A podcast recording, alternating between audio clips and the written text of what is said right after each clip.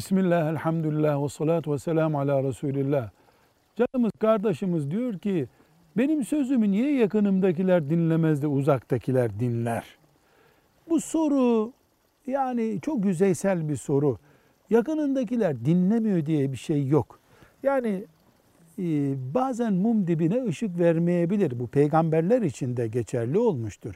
Çocuklarına söz geçiremeyen peygamberler biliyoruz. E, babalarına söz geçiremeyen peygamberleri Kur'an'dan öğreniyoruz. Yani illa yakınındadır diye senin sözünü dinleyecek, yarın sabah namazına kalkacak diye bir kural yok. Ablanın sözünü kardeşi dinleyecek diye bir kural yok. Ama şu kural var. Herkes Allah'ın dinini anlatmak, doğruları konuşmak, kötülere karşı uyarmak zorundadır. Bu zorunluluk var.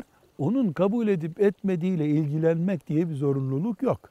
Ama buna rağmen uzun vadede herkes senin sözünü dinler kardeşim hiç merak etme. Hemen istiyorsan yakınındaki hemen olmaz. Neden? Çünkü şeytan uzaktakine mesaj vermeden önce senin yakınındakine bu dünkü çocuk mesela der. O da senin sözüne itibar etmeyebilir. Aldırma, sen hak bildiğini konuşmaya devam et. Usandırmadan, bıktırmadan. Velhamdülillahi Rabbil Alemin.